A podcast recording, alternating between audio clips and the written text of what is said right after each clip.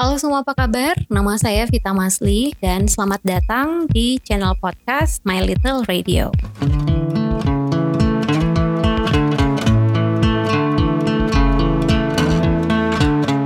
Udah gak sih mendengar atau mungkin bahkan sering mengatakan hal seperti ini? Jangan kayak orang susah deh. Pada momen-momen di mana harus rebutan gratisan atau menimbang-nimbang beli sesuatu. Dulu saya sering loh mengatakan hal seperti itu. Jangan kayak orang susah deh, beli aja nape.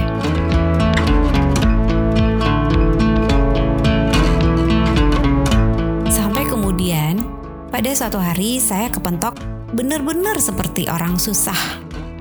Gajian mampet, uang makan gak keluar, walaupun punya pekerjaan tetap.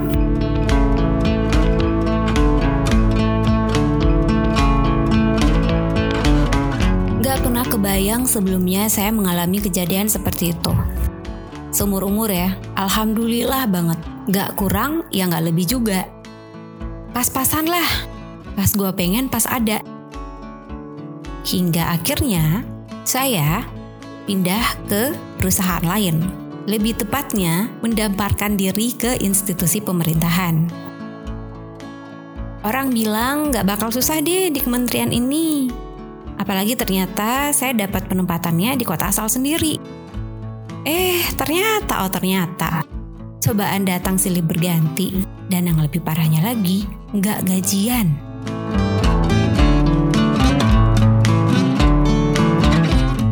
Alasannya waktu itu karena saya dan uh, teman-teman penempatan baru ini tidak termasuk dalam daftar tanggungan APBN Satuan Kerja.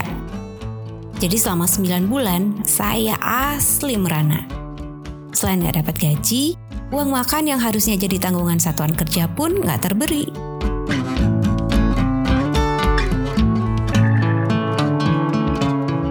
Untungnya, kerjaan part-time saya sebagai penyiar radio tidak saya lepas, sehingga saya masih bisa mendapat setitik sinar cerah.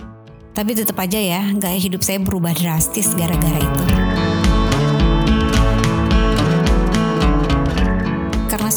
Penghasilan yang baru nih, hanya sekitar sepersekian saja dari pendapatan semula, maka otomatis saya mesti mikir berulang kali untuk membeli sesuatu atau menggesek dengan kartu kredit. Mikir gimana bayarnya, Cin.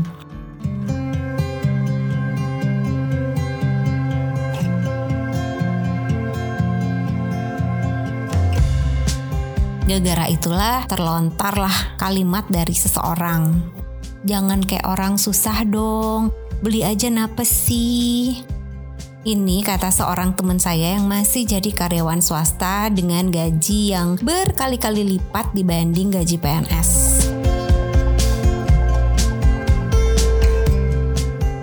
In that moment, I was thinking, if I was in her shoes that time, I probably said the same.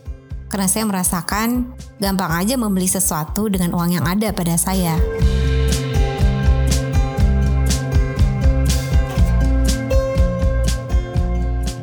Saya teringat orang-orang yang mungkin udah berusaha keras, tapi entah dengan alasan apa, hidup mereka tidak senyaman saya. Tidak senyaman teman saya itu.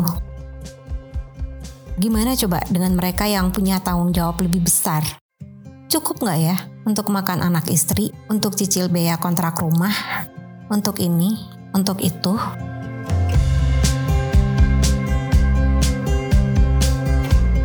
Kalimat jangan kayak orang susah dong.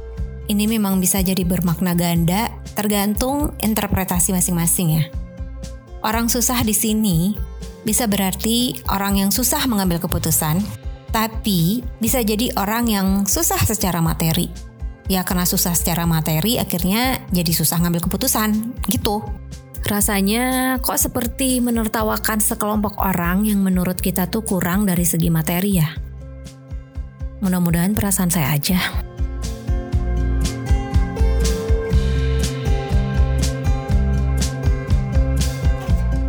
Well, itu kejadian beberapa tahun yang lalu. Saat ini gaji dan uang makan udah berjalan normal. Kehidupan saya juga udah mulai nyaman lagi. Tapi sekarang ya tetap aja masih gue pikirin dulu sebelum beli. Gue perlu apa enggak? Gue butuh apa enggak? Jangan-jangan gue cuma pengen aja, bukan karena gue butuh. Ya yang kayak gitu-gitulah.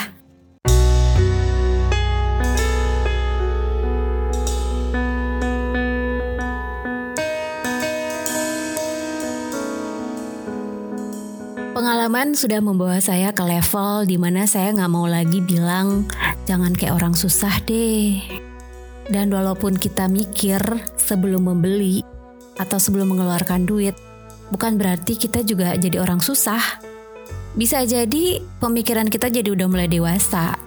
Karena udah tahu apakah itu butuh atau cuma pengen. Apakah itu perlu atau karena cuma lapar mata aja. Atau keinginan semu semata.